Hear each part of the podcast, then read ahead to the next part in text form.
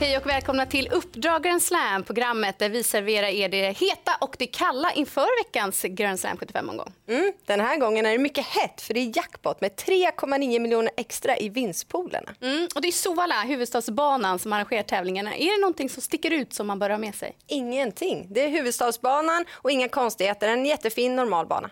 Då kör vi igång. Här kommer veckans heta. Jag börjar redan i den första avdelningen med nummer ett, Global Army, som är startsnabb. Båda segrarna har tagits just från ledningen och Jörgen Westholms stallform, ja nu är den på väg uppåt igen. Mm, och går vi vidare till den andra avdelningen så vill jag lyfta fram nummer ett, Timoteus Igge, som inte vunnit loppen på 11 försök. Men han har varit positiv och utvecklingskurvan pekar åt rätt håll. Det var en riktigt fin avslutning på Sovalla senast som tvåa med bra tryck över mål. Stallgops stallform, ja den är ju hur bra som helst och från spår 1 så borde hästen få en fin resa av Björn Goop. Och jag blir inte förvånad om första segern kommer just på söndag. Nej, och I den tredje avdelningen då är det en häst som verkligen sticker ut. Det är nummer fem, Farlander Am, som är härda på V75 och gjort det bra. Vunnit över distansen, stabil i volten och det viktigaste av allt, han har sin ordinarie kusk. Ja, för det här är ju orutinerade kuskar som gör upp i ett voltlopp och inte det är ju helt enkelt att bemästra. Nej, men det är inte det. I själva kuskeliten kan det skilja väldigt mycket på hur bra eller dålig man är just i voltstart. Mm. Och så här säger våra kollegor om hur de ser på kuskens betydelse i voltlopp kontra autolopp.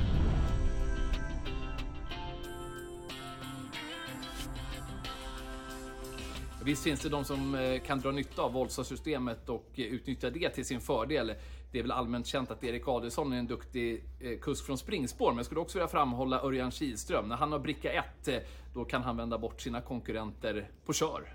Det korta svaret är absolut, visst är det så. Ett lite längre svar kan vara om man letar överraskningar. Bra voltstartskuskar med lågt spelade hästar från fördelaktiga utgångslägen. Där har ni grejen. Ja, kusken är absolut viktigare i voltstart, särskilt om hästen har ett svårt spår. Eh, voltstart är inte alls så lätt att behärska, det, det tar några år att lära sig.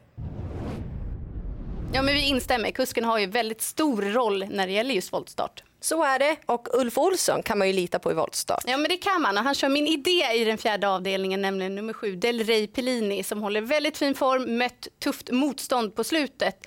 Hon eh, fick chansen sent senast, men avslutade bra bakom bland annat Ganga Bay. Skulle Ulf Olsson då pricka springspåret perfekt, då tror jag att det blir svårt för de andra att plocka in längderna på nummer sju, Del Rey Pellini. Men hon kan ju vinna från andra positioner också. Ja, det kan hon. Hon behöver verkligen inte ledningen.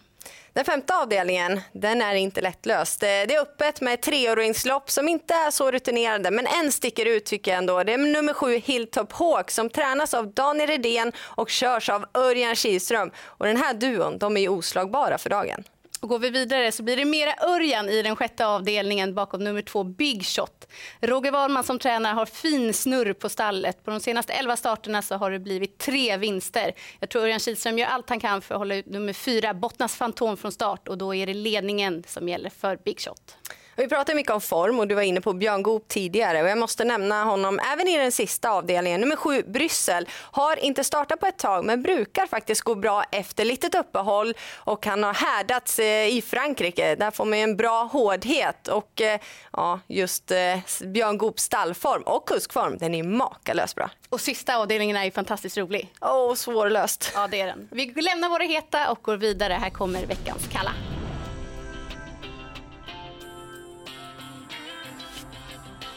Och vi börjar i den första avdelningen med nummer fem Prime Lini som har tre galopper på de senaste fem starterna. Så han har inte helt enkelt att hålla reda på benen. Nu är det voltstart och senast han var ute i voltstarten då hade han spår 1 men han var inte ens i närheten att gå iväg i trav. Nu är det spår 5 och det är ett ännu svårare spår att få iväg honom felfritt ifrån. Mm, ja, men det är riktigt jobbigt läge. Och när det är autostart och är spår 8 ja, oftast iskallt. Och det har just Henry Flyer Sisu i den femte avdelningen som han har gått alla lopp i ledningen och vunnit två av tre. Men från det här läget ja då blir han ju kall. Och går vi till avslutningen vilket är ett jätteroligt lopp men även ett svårt lopp det är det. Nummer 13, Heavy Sam är väl ändå stor favorit och egentligen borde han runda det här gänget. Men han har bakspår på tillägg och dessutom han var inte riktigt lika vass senast. Avslutningen var inte av den toppkvalitet som vi är vana att se. Så han känns som en sårbar favorit Blivit dags att summera våra tankar då. Vad tycker du sticker ut inför söndagens omgång?